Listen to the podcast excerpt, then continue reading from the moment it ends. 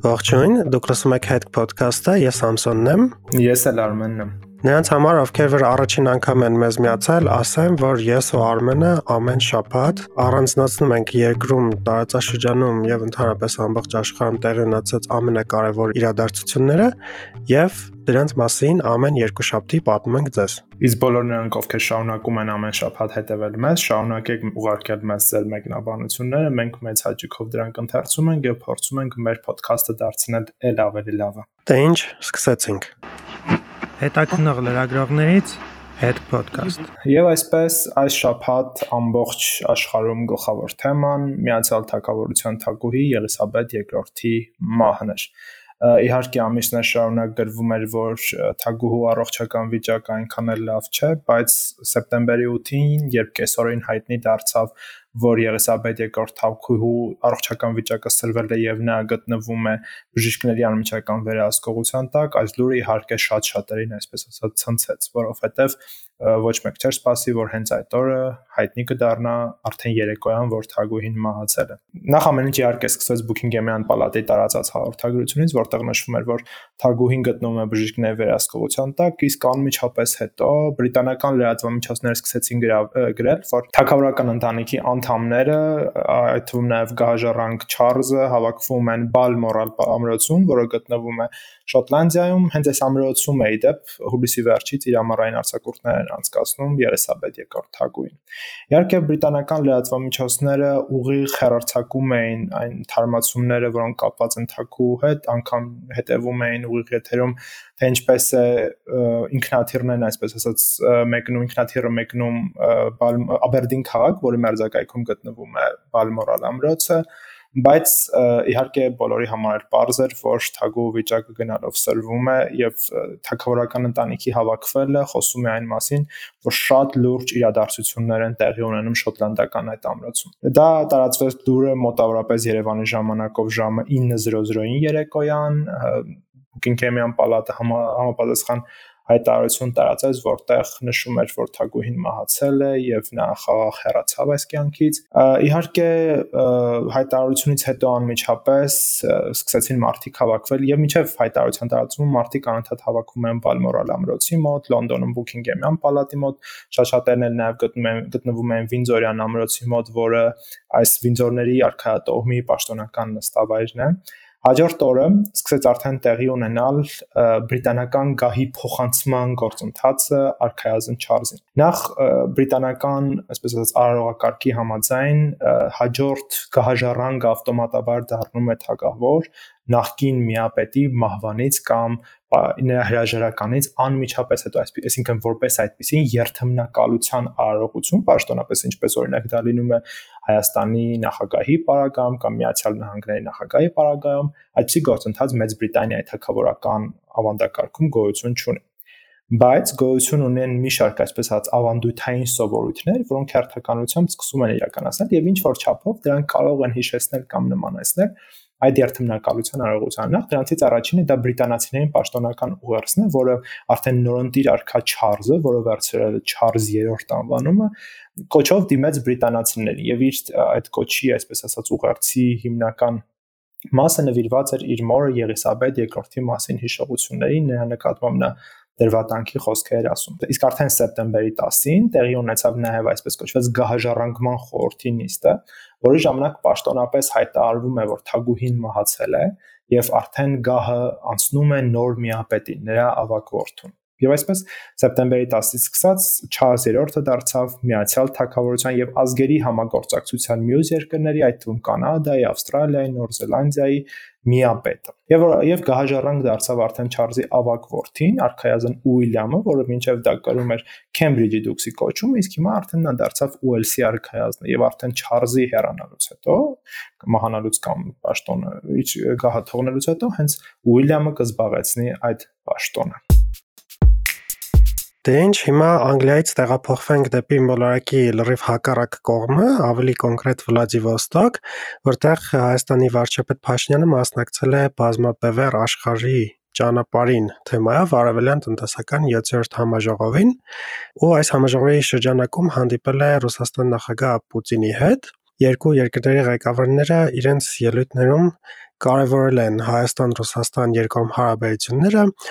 նաև պետք է նշենք, որ Հայաստանի եւ Ռուսաստանի դիվանագիտական հարաբերությունների 30-ամյակն է լինելու եւ մանավանդ այս 30-ամյակի հետ կապված Պուտինը նշել է համագործակցությունը Հայաստանի հետ հատկապես հապկ շրջանակում քննարկել են Լեռնային Ղարաբաղի հակամարտության մասին բնականաբար եւ ասել է որ միշտ կապի մեջ է Փաշինյանի հետ համագործակցում են այս հարցով Իսկ Փաշինյանն էլ ասել է, որ հուսով է, որ Ռուսաստանի աջակցությամբ կկարգավորվեն Հայաստանի հարաբերությունները Թուրքիայի հետ։ Հետաքրքիր մի դրվագ եղավ, երբ որ հանդիպման ժամանակ Պուտինը անդրադարձավ նաև Հայաստան տեղափոխված ռուսներին։ Սա առաջին անգամն էր, երբ որ Պուտինը խոսում էր պատերազմի պատճառով Հայաստան տեղափոխված ռուսների մասին։ Նա մի քիչ ավելի շատ խոսեց բիզնեսի տեսանկյունից եւ ասաց, որ նորմալ է վերաբերվում ռուսական բիզնեսի մի հատվածի տեղափոխմանը Հայաստան եւ ԵԱՏՄ մյուս երկրներ, եթե մեկնողներին ավելի հարմար է այդպես աշխատել։ Ես հիմա կցիտեմ Պուտինին, մենք ողջունում ենք այն ամենը, ինչ օգտակար է ռուսական բիզնեսին, կարելի է աշխատել Երևանում, իսկ փաստացի ապրել Մոսկվայում, դրան ոչ ոք չի խանգարում։ Ու նաև նշել է, որ շատ շատերը արդեն տեղափոխվում են հետ դեպի Մոսկվա կամ Ռուսաստանի այլ քաղաքներ, որովհետև տեսնում են, հասկացել են, որ ոչ մի արտասովոր բան տեղի չի ունեցել։ Պուտինը սրանով ակնարկում էր, որ պատերազմը Ուկրաինայում առանձնապես շատ չի ազդում ռուսական տնտեսության վրա։ Ու նաև ասաց Պուտինը, որ ոմանք նախընտրում են ոչ թե Երևանը, այլ Բաքուն, խոսեց նաև Ղազախստանի մասին, որ Ղազախստանում լավ ֆինանսական գոտի է ստեղծվել, ու ըստ նրա առավել հաճախ մեկնում են IT ոլորտի հետ կապված բիզնեսի ներկայացուցիչները։ Սա կարծում եմ ընկալվեց որպես առօրյա ձևով կասեմ, դաբրո, հա, Պուտինի կողմից, որ ռուսները հանգիստ կարող են կան ապրել Հայաստանում եւ ԵԱՏՄ այլ երկրներում եւ նա նրանց ոչ մի բան չի անի, չնայած բիզնեսով զբաղվող գործարարները այդքան շատ անհանգստանալու թեմաներ չունեն, իրականում ավելի շատ անհանգստանում են ռուս ակտիվիստները, քաղաքական ակտիվիստները, որոնք որ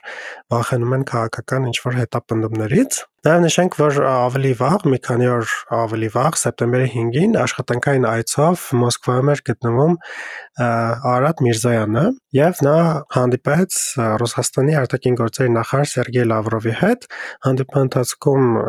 երկու արտաքին գործերի նախարարները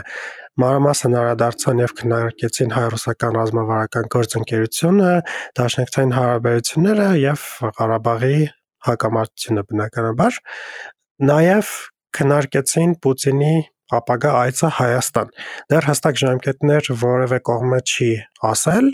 բայց Պուտինը արդեն գիտենք, որ վստահաբար ինչ որ բայի գալու է Հայաստան, այսքան է երևի։ Տեսնենք ձեզ կտեղեկացնենք, կհետևենք։ Եվ այսպես քաղաքական, այսպես ասած, ակտիվ թեժաշունը կամած կամած մտնում է իր հունի մեջ եւ վերադարձի մասին հայտարարել է Երևանի նախկին քաղաքապետ Հայկ Մարությանը, բայց այս անգամ ոչ թե հենց հիմնական բուն քաղաքական վերադարձի, այլ ստեղծագործական կյանք վերադառնալու մասին։ Երևանի նախկին քաղաքապետ Հայկ Մարությանը նշել է, որ հասարակական գործունեությունից բացի ինքը սկսելու է զբաղվել նաև ստեղծագործական աշխատանքով եւ արդեն իսկ հայտարարել է իր նոր քաղաքական ուղղվածության ներկայացման մասին, որոնք լինելու են սեպտեմբեր, հոկտեմբեր եւ նոյեմբեր ամիսներին եւ այդ այսպես ասած եւ այդ ներկայացումները արդեն հիմնականում քաղաքական եւ ներքաղաքական հատկապես երանգ եւ բովանդակություն են ունենալու շատ հետաքրքիր թրեյլեր էր տարածվել հենց Հայկ Մարությանի կողմից եւ այդ թրեյլերը շատ արագ տարածվեց ամբողջ համացանցի հայկական հատվածում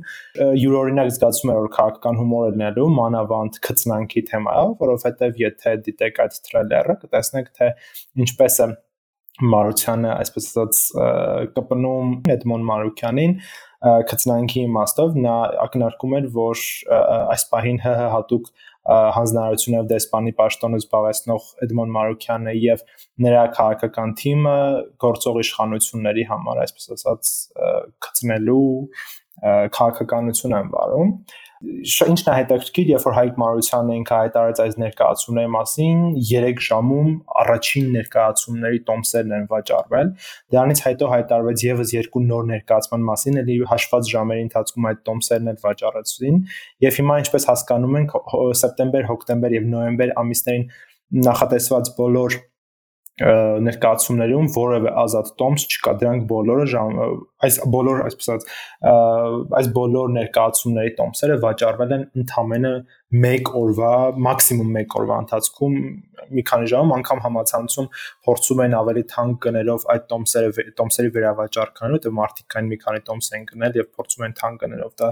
վաճառել, բայց այն որ հետաքրքրությունը Հայկ Մարությանի եւ նրա ներկայացման նկատմամբ շատ մեծ էր, սա իհարկե որոշակի առումով շատ անակնկալ եղավ։ Արմենիա նաեւ շատերը կատակում են, որ այդ տոմսերը կայացակնային արագությամբ առել են քպականները, որ գնա տեսնեն թե Հայկ Մարությանը հենց մասն ինչ ներկայացում է ցույց տալու։ Հա, վստահաբար, եւ երբ որ արդեն տեսանյութերը սկսեն հրապարակել, հրապարակվել, ես ես տոմս չեմ առել, այդ առաջին ներկայացումն չեմ կարող մասնակցել, բայց երբ որ արդեն, չգիտեմ, TikTok-ում կամ այլ ցանցերում սկսեն տեսանյութեր հրապարակել եւ հանդիսատեսին ցույց տալ, արդեն կհասկանանք թե քպականներից ովքեր են այդքան հետաքրքրված ներկայացմամբ եւ փորձում են րոպե անգամ չկորցնել ինչ որ տոմս ձեռք բերելու համար։ Մենք իր իրեն իր նկատմամբ անվստահություն հայտնելուց հետո Հայկ Մարությանը միայն մեկ անգամ էր քաղաքական հայտարարություն արել կապված Երևանի քաղաքապետարանում պետական վերահսկողական ծառայության կողմից իրականացված ստուգումների հետ կապված, երբ որ հայտնաբերվել էին խախտումներ քաղաքապետարանում, դրանից հետո Հայկ Մարությանը որևէ հայտարարություն չէր արել։ Եվ հիմա սա արդեն այսպես ասած նոր մուտքն է Հայկ Մարությանի։ Միգուցե որոշ գործիչներ, որոշ քաղաքական վերլուծաբաններ պնդում են, որ այս ներկայացմամբ քաղաքը Հայկ Մարությանը սկսում է եւ պատրաստվում է հաջորդ տարի սեպտեմբերին կայանալի Երևանի ավականու ընտրությունը, երբ որ Երևան քաղաքը նոր ավականի եւ հետեւաբար նաեւ նոր քաղաքապետ կընտրի։ Հայկ Մարությանը ինքը չի բացառում, որ ինքը կարող է մասնակցել ընտրություններին, բայց նաև նա պաշտոնապես այդ մասին չի հայտարարել։ Փոխարենը պաշտոնապես մասնակցելու մասին հայտարարել է իշխող քաղաքացիական պայմանագիր կուսակցությունը, որի քաղաքապետի տեխնացուն Տիգրան Ավինյանն է լինելու նախկին փոխվարչապետ ավելին։ Տիգրան Ավինյանը սեպտեմբերի 13-ի ավականու նիստի օրակարգում ներկայացվել է որպես փոխքաղաքապետի տեխնացու եւ Ավինյանը փաստորեն փոխքաղաքապետ ընտրելով փորձում է արդեն գալիք ընտրությունների ժամանակ ավելի ամուր դիրքերից հանդես գալ անդրաշավի ժամանակ թե ինչ կլինի հետագան ցույց կտա իհարկե մենք չգիտենք թե Մարությանը կմասնակցի չէ եւ ավելին ով էլ ով կլինի հենց ընդդիմադիր դաշտից որպես տեխնացու որովհետեւ շատ անուններ են շրջանառում այդ թվում նաեւ երկրորդ նախագահ Ռոբերտ Քոչյանի որդու Լևոն Քոչյանի անունը Արտուր Վանեցյանի անունը շրջանառում բայց որպես այդպեսին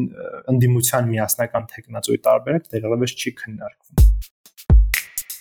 Հինգշաբթի օրը Ադրբեջանը Հայաստանին վերադարձրեց թվով 5 ռազմագերիներին, նրանցից 4-ը Գյումրիից են եւ մեկը Վանաձորից է։ Հավանաբար նրանք 2020 թվականի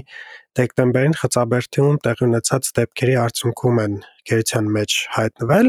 Գերիներին Հայաստանին փոխանցելուց մի քանի օր առաջ ասենք, որ Ադրբեջանի Գերագույն դատարանում կայացել է Հայաստանի 4 քաղաքացիների նկատմամբ շինծու գործով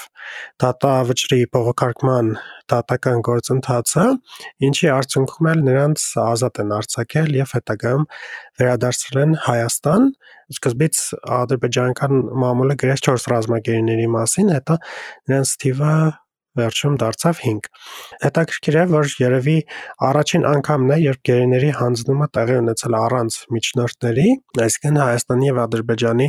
ուղիղ բանակցությունների արդյունքում է տեղի ունեցել գերիների հանձնումը։ Սրա մասին իր թվիթում նշել է նաեւ Եվրոպական խորհրդի նախագահ Շարլ Միշելը, ինչպես նաեւ ԵՄ հատուկ ներկայացուցիչ Տոյվա Կլարա, եւ Տոյվա Կլարա հայ գերիների վերադարձը որակել է որպես հումանիտար մարդասիրական ժեստ, ինչը իրականում կարծում եմ շատ խնդրահարույց է, որովհետև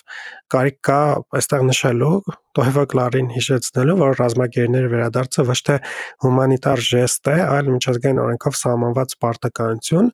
որը Ադրբեջանը արդեն մի քանի տարի շարունակ խախտում է եւ անտեսում է,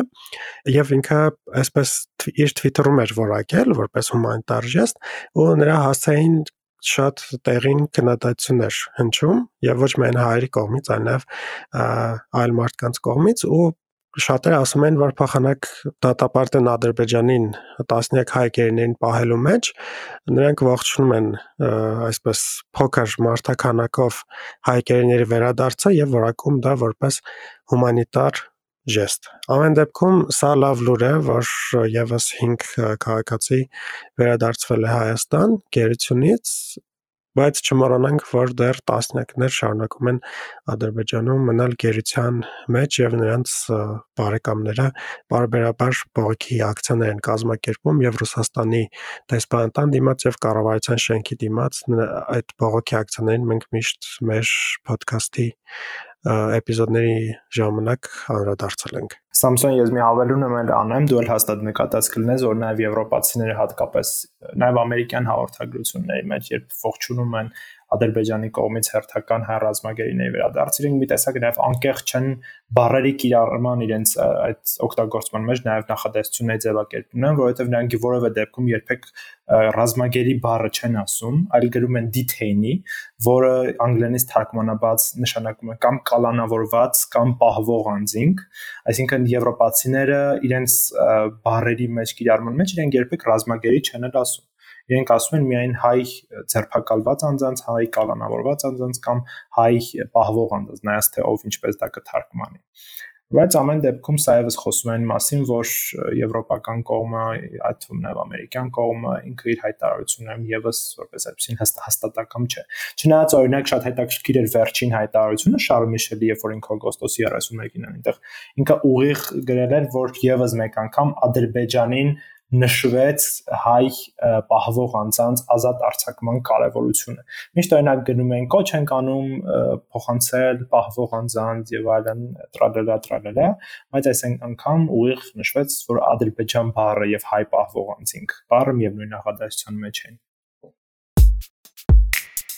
Եվ այսպես այս շփաթ քնչական կոմիտեն հայտարարություն տարածվեց, որ մեղադրանք է առաջադրվել 44-օրյա պատերազմի առաջի օրերին Արցախի պաշտպանության բանակի հրամանատար Ջալալ Հարությունյանի նկատմամբ։ Քնչական կոմիտեի տարածած հաղորդագրության մեջ նշվում է, որ Ջալալ Հարությունյանը, երբ որ ինքը զբաղեցնում էր Արցախի պաշտպանության բանակի հրամանատարի պաշտոնը, իր գործունեության ընթացքում բազմիցս ցուցաբերել է անփութություն, ինչը հանգեցրել է յուրային ստորաբաժանումների կողմից մեծականակ մարդկային ուժի եւ զինտեխնիկայի կորուստների, ռեզերվային ստորաբաժանումները դարձել են անմարտունակ, սպառեցրած քրեական դիրքերն անցել են հակառակորդի հսկողության տակ։ Ինչպես գիտեք, պատերազմի ժամանակ Ջալալ Հարությունյանը վիրավորում էր ստացել, որից հետո Պաշտպանության բանակի հրամանատարի պաշտոնը զբաղեցրել էր շտաբի պետ Միքայել Արզումանյանի, դեպ Միքայել Արզումանյանը եւս ներկայումս անցնում է քրեական գործով, նա եւս մեղադրանք է առաջադրվել արդեն Շուշիի հետ կապված մարտական գործողությունների հետ իսկ հիմա արդեն բուն քրեական գործով անցնում է նաև արդեն Ջալալ Հարությունյանը։ Իդեպ Ջալալ Հարությունյանը պատերազմից հետո պաշտոն էր ստացել Հայաստանի Հանրապետության պաշտպանության նախարարությունում։ Նա գլխավոր ռազմական տեսուչի պաշտոնն էր զբաղեցնում եւ շատ հետաքրքիր է իդեպ մի հանգամանք, որ իրեն մեղադրանք առաջադրելու օրը եւ ըստ մեղադրանքի նաև իրեն եւ արդեն մեղադրանքի բունորը երբ որ նրան մեղադրանքն առաջադրվեց Ջալալ Հարությունյանի պաշտոնավարումը ժամանակավոր դադարեցվեց եւ հենց այդ նույն օրը ինչն է հետաքրքիր որ նա պաշտպանության նախարար Սուրեն Պապիկյանի հետ այցելել էր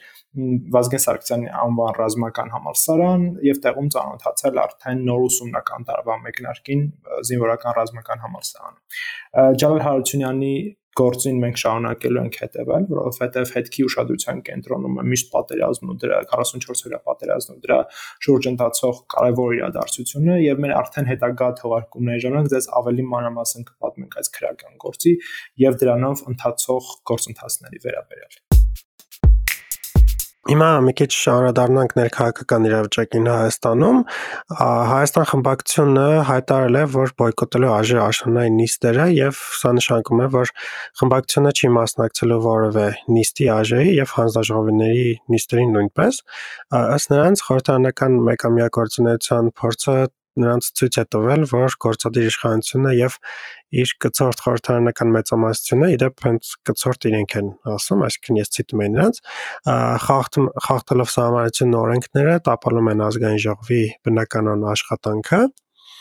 Եվ նրանք նշել են, որ այս պայմաններում ապօրինություններով գործող խորհրդարանական մեծամասնության դեմ պայքարում պայքար շարունակելու են կիրառել միջազգային պրակտիկայում ընդունված քաղաքական բոյկոտի գործիքը եւ ըստ երևույթի նաեւ ինչ որ բայ փողոցային պայքարը եւ այսպես աժենիստերին չենք տեսնի ընդդիմություն կարելի ասել աժենիստերին եթե հետևենք կտեսնենք մեր քաղաքացիական պայմանագիր խմբակցության պատգամավորների ելույթները եւ նրանց հարցերը իրենց մեջ, այսինքն եթե նախկինում քաղաքական դեբատների մշակույթը շատ ցածր մակարդակի վրա էր, բոլորս տեսել ենք շատ դեպքերում փողոցային կռվների էր վերածվում, ապա ապա հիմա կարելի ասել կամ չի լինի, կամ շատ քիչ կլինի, որովհետև հիմա Հայաստան խմբակցությունը կբոյկոտի, պատիվ ունեմ խմբակցությունը որպես այդպեսին չկա, շատ քիչ падգամավորներ են ներկա լինելու եւ այսպես սպասված թեժ աշունը համենայն դեպս ԱԺ-ում միգուցե այդքան էլ թեժ չլինի եւ համապակվի ԿՊ-ի падգամավորներով իրենք իրենց հարցեր տալով եւ որոշումներ կայացնելով ու քվեարկելով։ Եվ այսօրվա մեր ոդքասթի վերջում խոսենք նաև Ուկրաինայից եւ այդ երկրում կատարվող վերջին իրադարձություններից, որովհետեւ վերջին օրերին այնինչ տեղի ունենում Ուկրաինայում շատ անսպասելի եւ շատ հետաքրքիր զարգացումներ են ընթանում։ Վերջին մի քանի շաբաթների ընթացքում արևմտյան մամուլը, նաև ուկրաինական մամուլը բազմիցս բազմիցս գրառումներ անում են մասին, որ ուկրաինական բանակը պատրաստվում է հակահարցակման անցնել եւ հետ վերադարձնել իր տարածքների մի զգալի մասը եւ որպես հավանական ուղություն նշում են Ուկրաինայի հարավը դեպի Ղրիմ, իսկ դա Խերսոնի մարզն է։ Բայց ամեն դեպքում Ուկրաինան ինչ որ գործողություն է իրականացրած Խերսոնում, բայց անսպասելիորեն բուն հակահարցակման գործընթացը սկսվեց Խարկովի մարզում։ Իհարկե այդ Խերսոնի մարզի մասին ռուսներն էլ են մտածում, որ ուկրաինացիները հենց այդ ուղությամբ հակարցակումը կանեն եւ հիմնական ասես զինուժը փորձել էին տանել դեպի Խերսոնի եւ Զապորոժեի մարզեր, բայց ուկրաինական բանակը այսպես ասած հանկարծակի բերեց ռուսներին եւ հուշկու հակահարված այսպես ասած հակահարցակում սկսեց արևել հյուսիս արևելքում Խարկովի մարզի տարածքում։ Ինչ տեղի ունեցավ։ Տեղի ունեցավ այն, որ ինչպես ասպնդում է Վլադիմիր Զելենսկին, նախորդին իսկ դա սեպտեմբերի 10-ն է, 10-ին արած իր տեսաղուերցի ժամանակ, սեպտեմբերի 1-ից ի վեր Ուկրաինան կարողացել է ազատագրել շուրջ 2000 քառակուսի կիլոմետր տարածք իսկ դա մոտավորապես այնքան է, ինչ ապրիլի ապրիլից այսպես ասած մինչև հիմա ռուսական զորքերը կարողացել էին գրավել Ուկրաինայի տարածքում, ընդհանրապես այսինքն 10 օրվա ընթացքում Ուկրաինան կարողացել է հետ բերել այնքան տարած, ինչքան վերջին 4-5 ամսվա ընթացքում գրավել է Ռուսաստանը։ Եվ մի հետաքրքիր ավելի process սկսվեց. Telegram-յան ալիքները ոչ միայն ուկրաինական, այլ նաև ռուսական եւ պրո-կրեմլյան, այսպես ասած, ալիքներ սկսեցին հրապարակումներ անել այն մասին, որ ռուսական զորքերը լքում են ուղակի Խարկովի մարզի որոշակի բնակավայրեր։ Պատճառն այն է, որ ուկրաինական զորքերը կարողացել էին որոշակի դիրքեր զբաղեցնել, որի հետևանքով ռուսական զորքերը կարող են հայտնվել շրջափակման մեջ եւ սա ծանր հետևանքներ կարող է ունենալ ռուսական այդ ստորաբաժանումների համար եւ մի շարք տարածքներ, հատկապես Իզյում քաղաքը, Կուպյանսկ քաղաքը, որոնք 50-ից 50 հազար բնակչություն ունեցող քաղաքներ են, սակայն իրենց աշխարհագրական դիրքով բավականին նշանակալի տեղ էին զբաղեցնում տարածքներից զբաղեցնում, որովհետև ճանապարհային հանգույցներ էին, այստեղով անցնում են հիմնական ճանապարհները, միջքաղաքային, նաև միջպետական եւ սրանք խոշոր նաև ենթակառուցվածքներ ունեցող քաղաքներ են, շատ արագ կերպով վերադարձվեցին ուկրաինական վերահսկողության ներքո։ Հիմա ուկրաինացիները տարբեր այսպես ասած պնդումների համաձայն առանձին հատվածներում դուր Խարկովի մարզում դուրս են եկել նույնիսկ Ռուսաստանի Դաշնության այդ պետական սահմանսան նշանակում է, որ Ուկրաինան այս պահին գոնե գրեթե չասենք ամբողջությամբ, բայց մեծամասամբ Խարկովի մարզը իր վերահսկողության տակ է անցկացրել։ Ավելին պնդումներ կան այն մասին, որ Ուկրաինան նաև ուկրաինական զորքերը մտել են նաև Լուգանսկի մարզի տարածք եւ Լիսիչանսկ քաղաքի համար են հիմա մարտեր ընթանում, որոնք ամառվա սկզբին ռուսական զորքերը կարողացել են գրավել։ Հիշեցնենք, որ Լուգանսկի մարզը հունիսին ամբողջությամբ անցել է ռուսական վերահսկողության տակ եւ վերջին քաղաքը խոշոր հենց Լիսիչանսկն էր, որը անցավ ռուսների վերահսկողության տակ եւ փաստացի հիմա ուկրաինացիները աստիճանաբար հետ են վերադարձնում իրենց տարածքներ։ Իհարկե դժվար է պնդել, թե ինչքան կշարունակվի այս ռուսական հակահարցը, նեղություն, ինչքան կշարունակվի այս ուկրաինական հարցակումը, հակահարցակումը, բայց ամեն դեպքում վերջին 2-3 օրերի ընթացքում Ուկրաինան հայտարարել է տասնյակ բնակավայրերի, այդ թվում նաև ոչ այնքան փոքր քաղաքների հետ վերադարձի մասին։ ռուսական այսպես ասած սեգմենտում շատ տարբեր արձագանքներ կան հետաքրքրական է որ հիմնական ռոպագանդիստները քարոզիչները որոնք շատ այսպես ասած խիստ տոնայնությամբ գրառումներ են անում այդ թվում նաև հայազգի Մարգարիտ Ասիմոնյանը Չեչնիայի ղեկավար Ռամզան Կադիրովը սկսել են շատ խաղաղասիրական, այսպես ասած, հայտարարություններ անել, իհարկե Մարգարիտա Սիմոնյանի մասին է սա խոսքը, բայց նաև այսօր Սերգեյ Լավրովն է ասել, որ Ռուսաստանը միշտ պատրաստ է բանակցությունների, սակայն ինչքան ուշանում են բանակցությունները, այնքան դրանք շատ ավելի դժվարին են դառնում, բայց ամեն դեպքում սրանք հստակ ազդակներ են այն մասին, որ Ռուսաստանում ամեն ինչ հարթ չէ։ Ավելին